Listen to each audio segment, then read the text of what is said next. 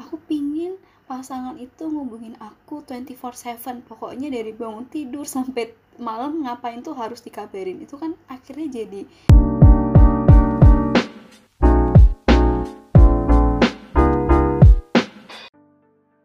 Hai teman-teman, kembali lagi di Kubis, Kupas Habis bersama saya Hana Maulida. Nah, ini adalah part 2 dari toxic relationship. Tadi di part 1 kita udah ngobrolin banyak tentang apa sih itu toxic relationship sampai dampaknya secara fisik dan psikologis terhadap uh, kita sebagai korban dari uh, hubungan yang beracun ini. Nah, sekarang oke, okay, kita akan ngobrol tentang gimana sih caranya keluar dari toxic relationship. Oke, okay, Kak Salma, ini kan biasanya mm -hmm. uh, hubungan beracun ini itu terjadi di dalam sebuah pernikahan suami istri atau dalam keluarga gitu ya. Bisa jadi sama orang tua bisa jadi sama uh, kakak adik gitu. Atau bahkan di kantor gitu ya. Sama-sama kolega gitu.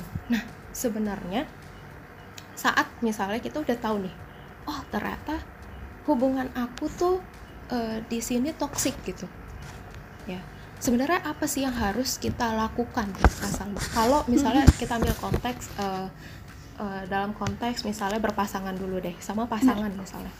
Nah, apa yang harus kita lakukan? Oke, okay, yang pertama kita harus tahu dulu apa sih perilaku yang kita anggap sebagai toxic itu gitu. Kita harus coba untuk mendefine apa yang kita nggak suka dan perilaku apa yang bikin kita sangat tidak nyaman dari pasangan. Dan biasanya ini perilakunya terjadi berulang kali. Jadi tidak hanya sekali, bisa jadi di beberapa situasi, tapi polanya sama gitu.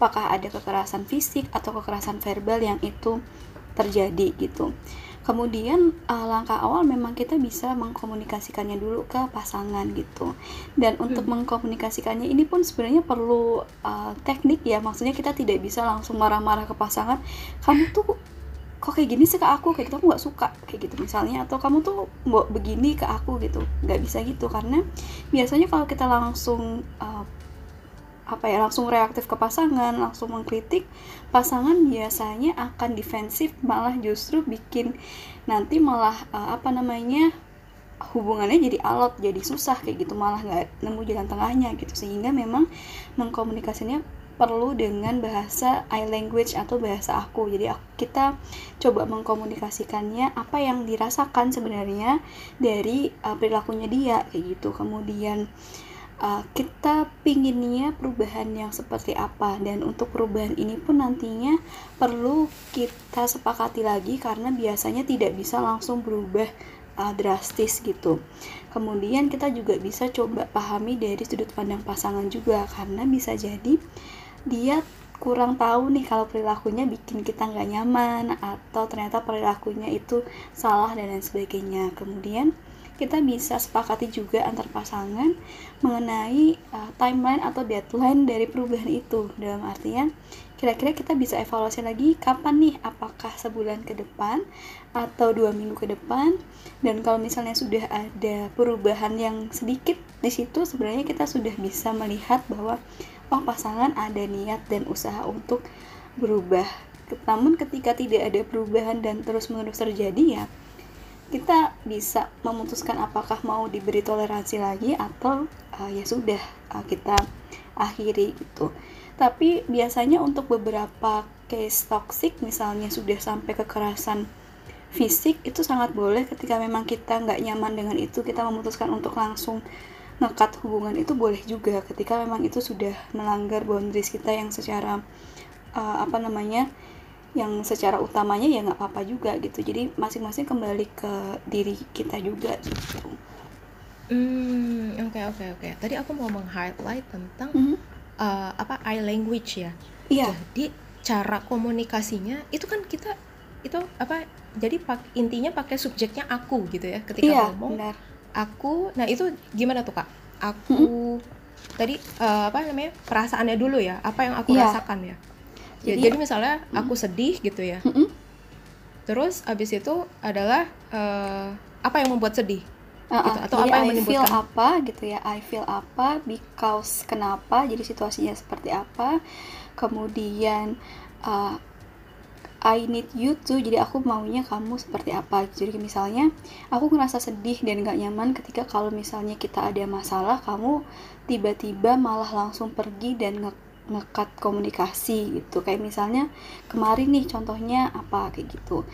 Ya mungkin aku paham kalau kamu butuh waktu tapi aku ngerasa akan lebih dihargai ketika misalnya kamu memang butuh waktu untuk menyendiri atau menenangkan diri bisa uh, ngomong dulu kayak aku butuh waktu untuk menenangin diri nanti kita ngobrol lagi setelahnya. Jadi nggak tiba-tiba pergi seperti itu kayak gitu. Jadi nggak uh. cuman mengkritik gitu. Kadang kita kan salahnya adalah aku tuh pengennya kamu begini kayak gitu. Atau aku nggak suka kalau kamu marah-marah terus tapi tidak memberikan solusi atau harapan kita pengennya kayak gimana gitu. Benar benar banget benar banget. Itu kalau lagi berantem pasti hmm nunjuk yeah. pasangan kamu, kamu ya tuh. gitu kamu tuh udah kan langsung aku gitu. Iya. Isinya judgment semua. Benar benar. Ah oke okay, oke. Okay. berarti ini kayaknya apa ya kak? Berarti butuh sebenarnya bukan cuma teknik komunikasi tapi kitanya tuh ada kemampuan untuk uh, mengelola emosi gitu ya. Iya jadi benar. take your time gitu ya. Kalau lagi kesel banget mungkin jangan langsung ngomong gitu ya nanti yang keluar langsung kamu tuh bla bla bla bla. Gitu ya berarti ten redakan dulu gitu ya emosinya tenangin diri dulu baru ajak pasangan ngomong gitu ya. Benar benar. Oke oke oke. Jadi pakai teknik uh, I language tadi ya uh, ganti subjeknya dengan aku daripada kita terus-terus pakai kamu kamu kamu. Benar. Oke okay. terus dan timingnya kemudian, bisa disesuaikan juga uh, jadi kayak hmm. kita bisa nyesuaiin kira-kira waktunya kapan nih pasangan agak sedikit slow gitu kayak misalnya hmm. uh, usahakan paling tidak enggak benar-benar waktu setelah dia pulang kerja jadi kayak jam 5 terus okay. nelfon aku mau ngomong sesuatu kan pasangan jadi kayak apa nih? Mau ngomong apa nih? Gitu. Jadi malah memicu emosi jadi lebih cepat tersulut gitu. Jadi di jam-jam yang oh udah habis makan nih lagi santai kayak gitu. Atau weekend misalnya lagi nggak ada kerjaan kayak gitu. Jadi waktu hmm. untuk ngobrol dan untuk nenangin emosi tuh jadi lebih uh, ada gitu. Ah oke okay, oke. Okay. timing juga menentukan ya. Jadi cari waktu yang memang kita dan pasangan lagi sama-sama tenang gitu ya, relax yes. kondisinya. Jadi diajak ngobrol enak ya kak. Oke oke. Okay, okay. Nah uh, tadi uh, kak Salma sempat bilang ada deadline-nya. Iya. Gitu untuk berubah. Nah mm -mm. misalnya nih deadline ini berarti uh, misalnya aku yang ngarepin kamu berubah ya dalam dua minggu gitu, atau sebenarnya kesepakatan gitu. jadi kesepakatan juga antar uh, kita dan pasangan gitu. Kayak misalnya tadi kita sampaikan uh, aku pinginnya uh, kamu ada perubahan seperti ini. Kalau menurut kamu apakah ini terlalu berat atau bagaimana? gitu. Jadi kita tanya juga ke pasangan kemudian ya kita sepakati untuk waktunya biasanya sih dua minggu sampai satu bulan gitu untuk melihat jadi ibarat kalau hmm. kita di kerjaan ada SP1 dan jarak ke SP2 kan pasti ada ada detailnya ya apakah tiga bulan ataukah ada uh, perilaku khusus yang harus kita evaluasi cepat-cepat dan lain sebagainya gitu. Hmm, oke okay, oke okay, oke. Okay. Tapi kalau misalnya uh, oke okay nih, uh, kita dan pasangan udah komit ya, pasangan misalnya udah komit, oke okay deh aku berubah, aku minta maaf, uh, apa namanya, sudah membuat kamu sedih atau membuat kamu uh, merasa gak nyaman gitu ya. Terus tapi kok uh, dalam misalnya dua minggu terus taruhlah sudah sebulan dia nggak berubah juga nih kak.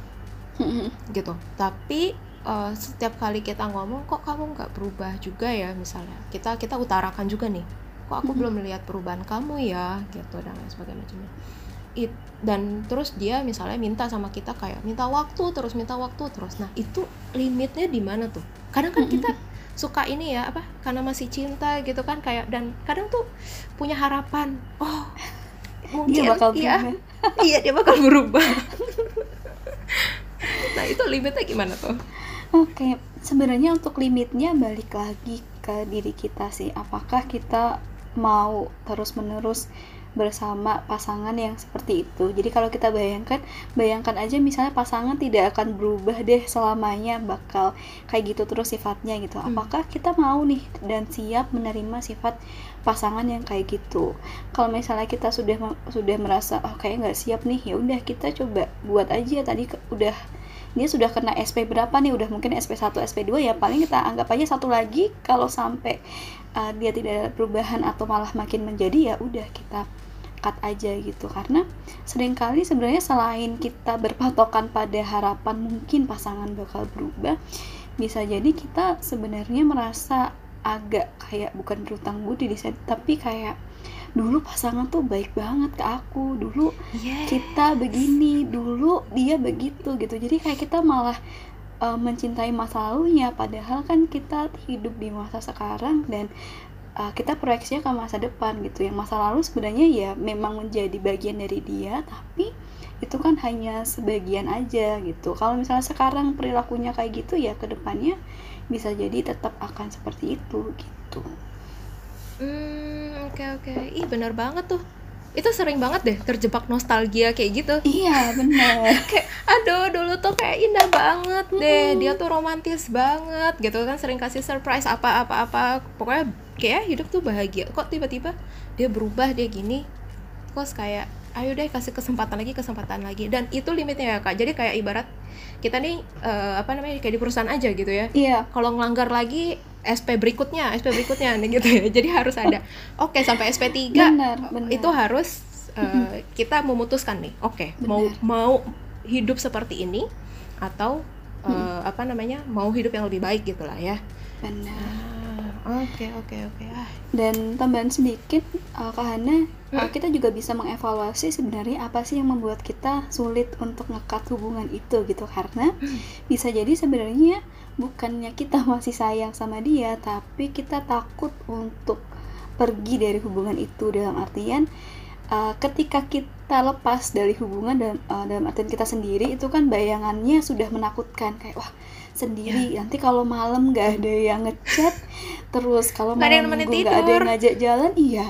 Kalau nanti nggak ada yang begini begitu kan jadinya sepi jadinya malah sendirian dan banyak orang yang takut akan ngerasa sendirian itu. Sehingga kayak ya udahlah daripada nggak ada mending ditahan-tahanin sama yang sekarang. Padahal sama yang sekarang pun bisa jadi nggak lebih happy kayak gitu. Hmm, iya iya iya. Benar benar benar. Biasanya tuh kayak karena sudah terbiasa sudah terlalu lama ya betul sudah terlalu lama udah terbiasa ada dia mm-hmm. gitu tiba-tiba nggak ada dia kayaknya ada yang kurang gitu kan padahal itu belum tentu ya kak ya benar belum tentu hmm. gitu. Oke oke. Dan tadi aku menarik banget loh pas uh, Kak Salma ngejelasin di awal gitu tentang uh, apa yang harus kita lakukan ya kalau kita tahu terjebak uh, dalam sebuah toxic relationship. Itu adalah setting boundaries. Ini yes. jarang banget Kak yang orang Bener. ngerti gimana sih caranya setting boundaries? Tahu limitasi oh aku nggak suka diginiin. Oh aku uh, apa ya ibaratnya uh, apa aku merasa tidak dihargai kalau ya, seperti ini. Tuh biasanya orang kan nggak tahu tuh kak. Mm-hmm. itu gimana sih untuk tahu kalau misalnya oh ternyata perilakunya dia sudah uh, melewati batas yang bisa aku tolerir gitu. Benar Oke, iya memang kita sebenarnya sebelum masuk ke dalam hubungan, kita harus mengenali dulu kayak apa sih hubungan yang kita mau itu kayak gimana. Batas-batasan yang boleh buat aku tuh yang seperti apa. Kemudian uh, boundaries aku sendiri tuh yang seperti apa, ekspektasi aku seperti apa itu sebenarnya harus dikenali dulu gitu. Karena sering kali kita nggak melakukan itu karena ngerasa ya udahlah uh, paling hubungan tuh gitu-gitu aja. Padahal ketika udah terjalin hubungan itu banyak perilaku pasangan yang sering kali kita ngerasa nggak nyaman dan uh, bikin kita itu merasa kayaknya dia sudah melewati batas tadi seperti yang Kak Hana bilang benar gitu. Jadi kita kenali uh, keinginan kita sendiri gitu. Nggak apa-apa kok kalau misalnya kita merasa aku nggak mau kalau pasangan ngecek uh, atau nge melihat HP aku. Ya nggak apa-apa aja. Tapi ada juga yang ngerasa boleh aja kalau emang pasangan mau lihat gitu. Ya itu tergantung masing-masing pribadi gitu jadi tidak ada sebenarnya uh, yang boleh atau yang baik itu boundaries yang seperti apa nggak ada cuman hmm. baik lagi ke kitanya merasa nyaman dengan hubungan yang seperti apa gitu hmm oke okay, oke okay. nah berarti kalau aku ya aku biasanya tuh untuk tahu oh apa sih yang eh, apa namanya eh, aku bisa tolerir dan aku tidak bisa tolerir itu kalau aku biasanya aku tulis Iya. karena kayaknya itu lebih lebih apa ya jadi eh, lebih jadi lebih terstruktur gitu akhirnya Benar, aku benar. bisa mendapatkan the whole points gitu kayak Yes. oh iya ini loh yang aku tolerir dan ini enggak aku tolerir gitu ya benar Hmm. atau kita bisa juga pakai uh, apa namanya kita cari tahu love language kita gitu. Atau kita bisa berdasarkan film yang kita sering tonton kayak aku pengen nih kalau hubungan kayak gini aku nggak pengen nih kalau pasangan kayak gini tuh juga bisa. Jadi tidak harus kita memikirkan semuanya sendiri tapi bisa pakai media-media yang lain. Intinya adalah sering-sering melakukan refleksi diri juga kayak di relatekan ke kita apakah memang sesuai apakah nggak sesuai kayak gitu sih Hmm, oke oke oke oke oke. Jadi bisa bisa banget ya referensinya ke film, ke series gitu ya. Kayak atau hubungannya influencer siapa kayak gitu atau siapa Benar, yang kita lihat benar. gitu ya. Kok kayaknya Mm-mm. indah banget. Saya mau yang kayak gitu gitu. Ah, oke oke oke. tapi gitu ada tapinya mbak Hana Oke. tapi harus realistis juga dalam artian kita punya ekspektasi ke pasangan kita cek juga apakah ekspektasi itu cukup realistis atau enggak kayak misalnya aku pingin pasangan itu ngubungin aku 24/7 pokoknya dari bangun tidur sampai malam ngapain tuh harus dikabarin itu kan akhirnya Wow. jadi nggak sehat kan keinginan kita Iya. kayak gitu jadi kita harus cek juga gitu jangan-jangan Hmm, eh, ekspektasi kita nggak sehat dan itu malah bikin masalah dalam hubungan ah, oke oke. Jadi kita tuh kayak harus mengaudit ya. Eh, ini yang aku inginkan apakah memang memungkinkan gitu ya Iya. untuk dijalankan? Atau ini nggak mungkin gitu? Dan kalau misalnya nggak mungkin berarti urusannya sama diri kita ya. Benar. Bagaimana kita bisa eh, mengurangi. Hmm. lah gitu ya. Menurunkan ekspektasi itu. Hmm, oke oke. Menarik. Oh ya ngomong-ngomong setting boundaries ini kadang ada yang eh, kita terpengaruh sama omongan-omongan seperti ini nih kak Salma. Kayak misalnya tadi ya eh, kita ngerasa eh, apa sih namanya? Oh eh, aku nggak suka nih handphone aku dicek sama pasangan misal gitu. Kita Hmm. ngerasa privacy kita eh, sudah dilanggar gitulah. Nah tapi misalnya ketika entah ketika curhat gitu ya sama teman atau misalnya ngomong langsung gitu ke pasangan kayak aku nggak suka nih kalau kamu ngecek HP aku gitu. Aku ngerasa privasi aku dilanggar. Terus nanti misalnya ternyata reaksinya si pasangan adalah ah kamu kok gitu aja nggak ini sih misalnya mantan aku tuh dulu nggak pernah tuh ada yang eh, apa namanya Eh, komplain-komplain iya nggak ada yang komplain tuh gitu terus atau keluarga aku nggak ada yang pernah komplain tuh kalau ngecek HP nah itu gimana tuh kak Oke, kita bisa coba kenali dulu sebenarnya apa sih yang kita butuhkan dari perilaku itu. Kayak kenapa sih kita nggak suka kalau pasangan itu ngecek HP gitu? Apakah karena Hmm. eh, apa namanya kita perlu ada hal-hal yang itu hanya bagian dari kita yang tahu gitu ataukah bagaimana bisa jadi juga pasangan punya nilai dari itu kayak misalnya "Ah, aku butuh tahu HP kamu karena aku takut nih kalau misalnya nanti ada yang ngechat cowok lain gitu atau ada hal-hal lain yang bikin aku cemburu misalnya itu kan berarti ada Hmm. masalah trust di sini. Nah, Ya. kalau uh, masalah percaya nanti kita bisa diskusikan lagi ada nggak hal lain yang bisa bikin kamu percaya sama aku gitu selain dari ngecek HP kayak gitu kan sebenarnya itu bisa didiskusikan. Jadi apa ya bentuk dari yang kita inginkan itu bisa jadi berbeda antar pasangan dan itu yang sebenarnya uh, di, perlu disamakan aja sih gitu.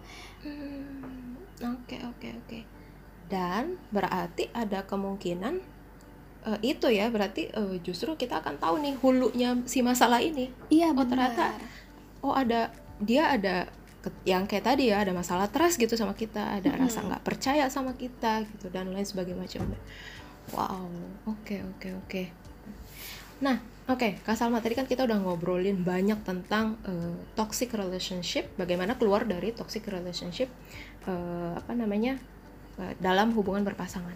Gimana sih kalau misalnya ternyata yang toxic relationship itu keluarga?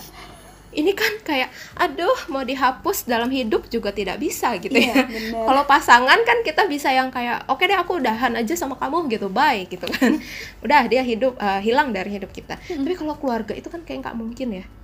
Iya, Uh-uh, iya, terus agak lebih susah sih gimana? biasanya. iya agak lebih susah. Dan yang paling susah itu sama uh, orang tua nih kak. Iya, kan susah banget ya kalau sama orang tua kayak aduh kayaknya emang sepanjang hidup kan kita pasti kontak gitu ya sama dia kecuali benar. kita tiba-tiba ngilang gitu kan dan itu biasanya kalau orang Indonesia kayak nggak mungkin gitu ya nah itu harus gimana tuh kak Oke, eh, pertama kita memang perlu untuk eh, lagi-lagi menyadari sebenarnya eh, perilaku dari orang tua apa sih yang sebenarnya kita agak kurang nyaman atau kita nggak suka gitu. Bisa jadi sebenarnya yang kita nggak suka itu melanggar tadi melanggar kebutuhan kita dalam keluarga sendiri kayak misalnya aku butuh untuk didengarkan tapi ternyata ketika aku cerita ke orang tua kok orang tua malah merendahkan jadi kan kita merasa orang tua tidak uh, memenuhi kebutuhan kita untuk didengarkan tadi seperti itu.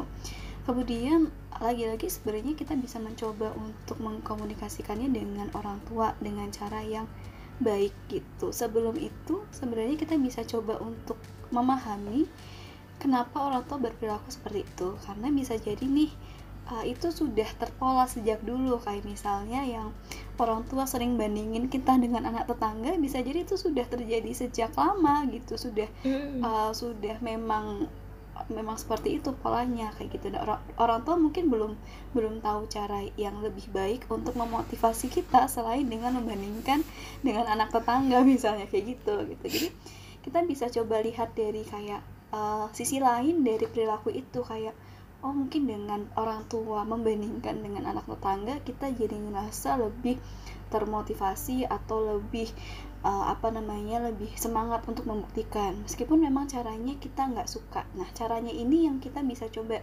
sampaikan ke orang tua kayak um, bu atau pak mungkin saya paham gitu. Mungkin aku paham kalau uh, pingin memotivasi tapi bisa dilihat nggak uh, kayak misalnya mengapresiasi dulu apa yang sudah aku lakukan atau uh, menanyakan dulu sebenarnya ada nggak kesulitan dari uh, proses yang aku lakukan kayak itu kalau misalnya orang tua masih melakukan itu ya ya sudah tinggal kitanya tadi ngeset batasan kayak mana yang bisa kita terima uh, dari orang tua mana yang sebenarnya nggak perlu untuk kita masukkan ke hati benar-benar. Jadi kayak ya udah orang tua bilang apa kita iya iya tapi kita uh, nggak perlu terlalu kayak meresapi itu semua kayak gitu.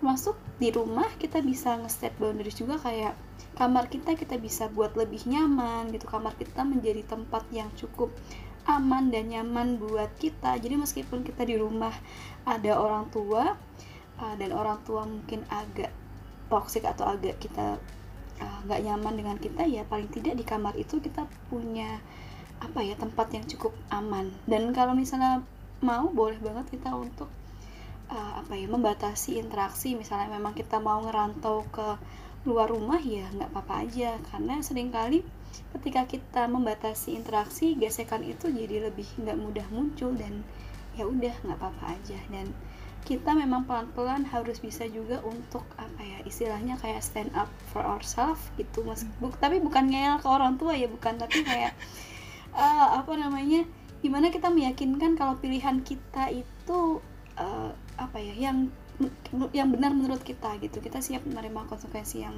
kita pilih dan segala macam gitu. Hmm, oke oke oke. Kalau kayak gitu, uh, pakai teknik komunikasi iMessage itu juga bisa nggak sih kak?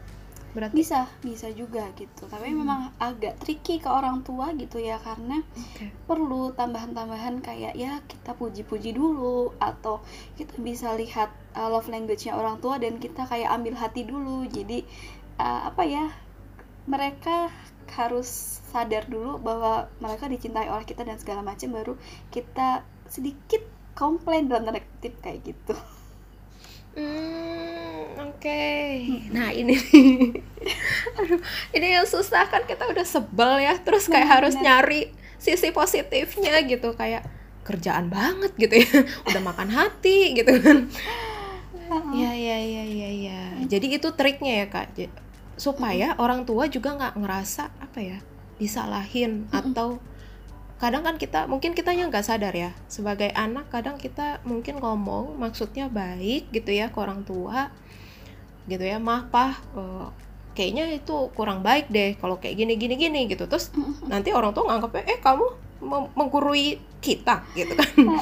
Oke. tersinggung gitu. Jadi emang tricky banget ya bener, sama orang bener, tua ini. bener. Kalau misalnya eh, apa namanya kita masih ada perasaan apa ya marah banget ngebu-ngebu gitu, kita boleh kok eh, meluapkan itu dulu gitu. Jadi kayak Hmm. kita boleh kok kayak, kayak nulis bebas atau gambar bebas tentang apa pun yang kita rasakan. Nanti dari tulisan itu kita bisa filter lagi eh, mana yang apa ya cukup baik untuk disampaikan atau kita ramu lagi kata-katanya biar lebih sopan kayak gitu. Oke oke oke. Intinya ya udah di eh, apa ya diredakan dulu ya amarahnya. Dan biasanya meredakan amarah atau meredakan rasa emosi-emosi yang tidak nyaman itu sebenarnya kayak gimana sih kak? Karena kan biasanya kita suka yang kayak marah nih kesel, terus kayak aduh jangan marah deh gitu. Aduh jangan sedih deh. Aduh masa gua gini aja sedih gitu kan? Suka kayak gitu kan? Caranya tapi sebenarnya cara yang baik untuk meluapkan itu kan gimana sih kadang kan kita nggak bisa nih ada orang yang bisa marah-marah gitu kan ngebentak-bentak. Tapi habis itu menyesal gitu kan. Tapi ada orang juga yang nggak bisa marahnya nggak bisa keluar gitu. Sebenarnya caranya gimana tuh kak? Supaya kita aduh berdamailah dengan emosi-emosi yang nggak enak gitu di dalam batin kita. Benar.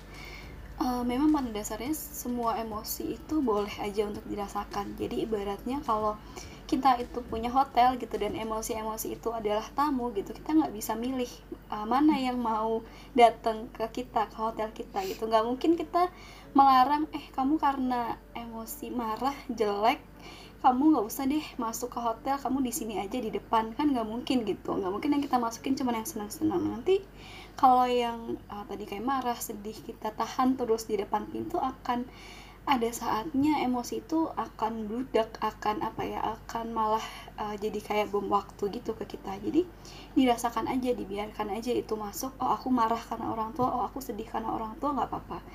Nanti akan ada masanya uh, emosi itu lama-lama akan reda gitu. Jadi kita fokus aja ke merasakannya. Kemudian jika kita ngerasa lebih baik dengan uh, menulis atau menggambar boleh atau misalnya teman-teman mau beli uh, slime atau squishy untuk dipencet-pencet media untuk lebih uh, menenangkan diri juga boleh banget gitu. Bahkan kalau energinya kayaknya berlebih mau pergi jogging dulu atau olahraga yang lain juga boleh gitu. Biasanya ketika energi uh, dari emosi itu sudah tersalurkan kita akan lebih bisa tenang untuk menganalisis kondisi saat itu gitu Hmm, oke oke oke. Jadi biarin aja ya, akui aja ya bahwa Iya, kita merasakan hal itu. Oke oke oke. Baru setelah kita tenang gitu ya, sudah tersalurkan, udah reda, mungkin kita bisa refleksi gitu kali ya kak, kayak Iya. apa sih yang sebenarnya bikin aku marah banget gitu ya, atau sedih banget uh, sama kelakuan orang tua gitu. Kenapa kelakuan mereka yang itu bisa bikin aku sampai kayak gini, gitu kali Iya, ya, supaya kita uh, yang kayak Kak Salma bilang kita tahu oh ternyata uh, apa ya ibaratnya kita bisa uh, mencari tahu kenapa sih orang tua kita seperti itu gitu ya. Iya. hmm oke oke oke oke. Ya ya ya. Ini menarik banget sih. Oh ya. Em, ini kak. Berarti nih kalau misalnya ada dampak-dampak. Tadi kan kita di episode pertama di part yang satu itu udah kita bahas ya dampak-dampaknya bahwa eh, tadi ya di relation apa toxic relationship ini bisa depresi, self hurting gitu ya. Bahkan kita ngerasa nggak pede merasa diri kita itu eh, tidak tidak berharga gitu ya. Hmm. nah kalau misalnya eh, kita sudah eh, terlanjur eh, merasa aduh berat nih dampaknya gitu dan aku nggak bisa sendirian misalnya apa sih yang harus kita lakukan kak? Oke, kita bisa mencari bantuan. Entah itu kita coba cari lingkungan lain di luar pasangan atau di luar orang yang membuat kita nggak nyaman itu. Kayak misalnya kita mencari teman yang lebih nyaman atau lingkungan yang lebih suportif itu boleh. Dan kalau misalnya pun kayaknya nggak ada nih teman-teman atau aku belum siap kebu- terbuka ke teman-teman boleh banget nyari professional help untuk membantu memproses itu semua gitu. Jadi kamu tidak harus menghadapi ini sendirian gitu. Hmm, oke oke. Iya karena itu susah banget kan meng- mengendalikan emosi. Aduh itu udah kayak mungkin butuh setiap orang usahanya kan beda-beda ya ada yang Iya. mungkin lebih mudah gitu ya udah udah mulai terbiasa gitu dengan emosi-emosinya. Ada yang kayak aduh susah banget gitu. Dalin emosi terus bisa uh, tadi bisa memahami orang tua aduh ya Allah gitu kan. Terus habis itu uh, terus termasuk dengan pasangan gitu kan. Iya. dan butuh keberanian untuk ngomong. Dan bahkan kadang sudah merasakan tapi nggak berani ngomong itu kan. Mm-mm. masalah lagi. Ah berarti kita tuh kalau sudah tidak bisa mena menghadapi ini sendirian boleh ya kita cari eh, apa namanya teman curhat? Atau Boleh, langsung boleh. ke psikolog aja? Ah, boleh senyamannya teman-teman aja. Kalau emang mau Hmm. curhat ke teman dulu boleh tapi kalau nggak siap untuk curhat ke teman juga ke psikolog boleh gitu. Jangan sampai teman-teman takut curhat ke psikolog karena ngerasa ih masa masalah cinta doang aku sampai ke psikolog gitu. Nggak apa-apa. Banyak kok yang curhat ke psikolog karena masalah percintaan itu banyak kayak gitu. Jadi itu bukan masalah yang sepele sebenarnya gitu ya ya ya ya ya ah oke oke oke karena kadang stigmanya adalah kalau ke psikolog nanti aku dianggap punya penyakit mental padahal nggak gitu ya kak ya enggak enggak gitu enggak gitu Oke. Dan kalau sekarang kan ini kita di masa pandemi ya, bukan berarti harus eh, tatap muka ya, bisa online kan kak bisa sekarang. bisa bisa online Mm-mm. Oke oke oke. Dan ke Salma ini praktek online di Halodoc. Iya. Jadi buat teman-teman, kalau misalnya butuh bantuan atau butuh eh, teman ngobrol gitu ya, teman curhat, butuh solusi, silakan hubungin Kak Salma, langsung cari di Halodoc atau langsung DM Instagramnya ya kak. yes Oke, at Salma Dias. Oke, nanti kita akan tulis eh, Instagramnya Kak Salma di deskripsi. Jadi kamu tinggal eh, follow aja gitu dan DM. Oke deh Kak Salma, ini obrolan kita panjang dan eh, apa banyak banget manfaatnya gitu ya. Tadi kita udah dapat iMessage, udah dapat setting boundaries kalau misalnya eh, di- terus dikasih deadline, kalau deadline-nya nggak terpenuhi juga ya udahlah gitu memang harus direlakan gitu. Dan kita fokusnya adalah kalau untuk hubungan berpasangan jangan terjebak nostalgia gitu ya. Benar. Yang lalu memang indah gitu. Iya. Tapi kita pikirkan hari ini dan di masa depan apakah kita masih ingin eh, hidup seperti atau merasakan seperti yang kita jalani saat ini sampai ke depannya atau kalau kita udah nggak mau udah mending stop iya Oke, dan begitupun kalau misalnya sama anggota keluarga gitu ya, coba dikomunikasikan dengan baik, eh, perhatikan lagi love languages-nya. Oke, dan eh, apa namanya?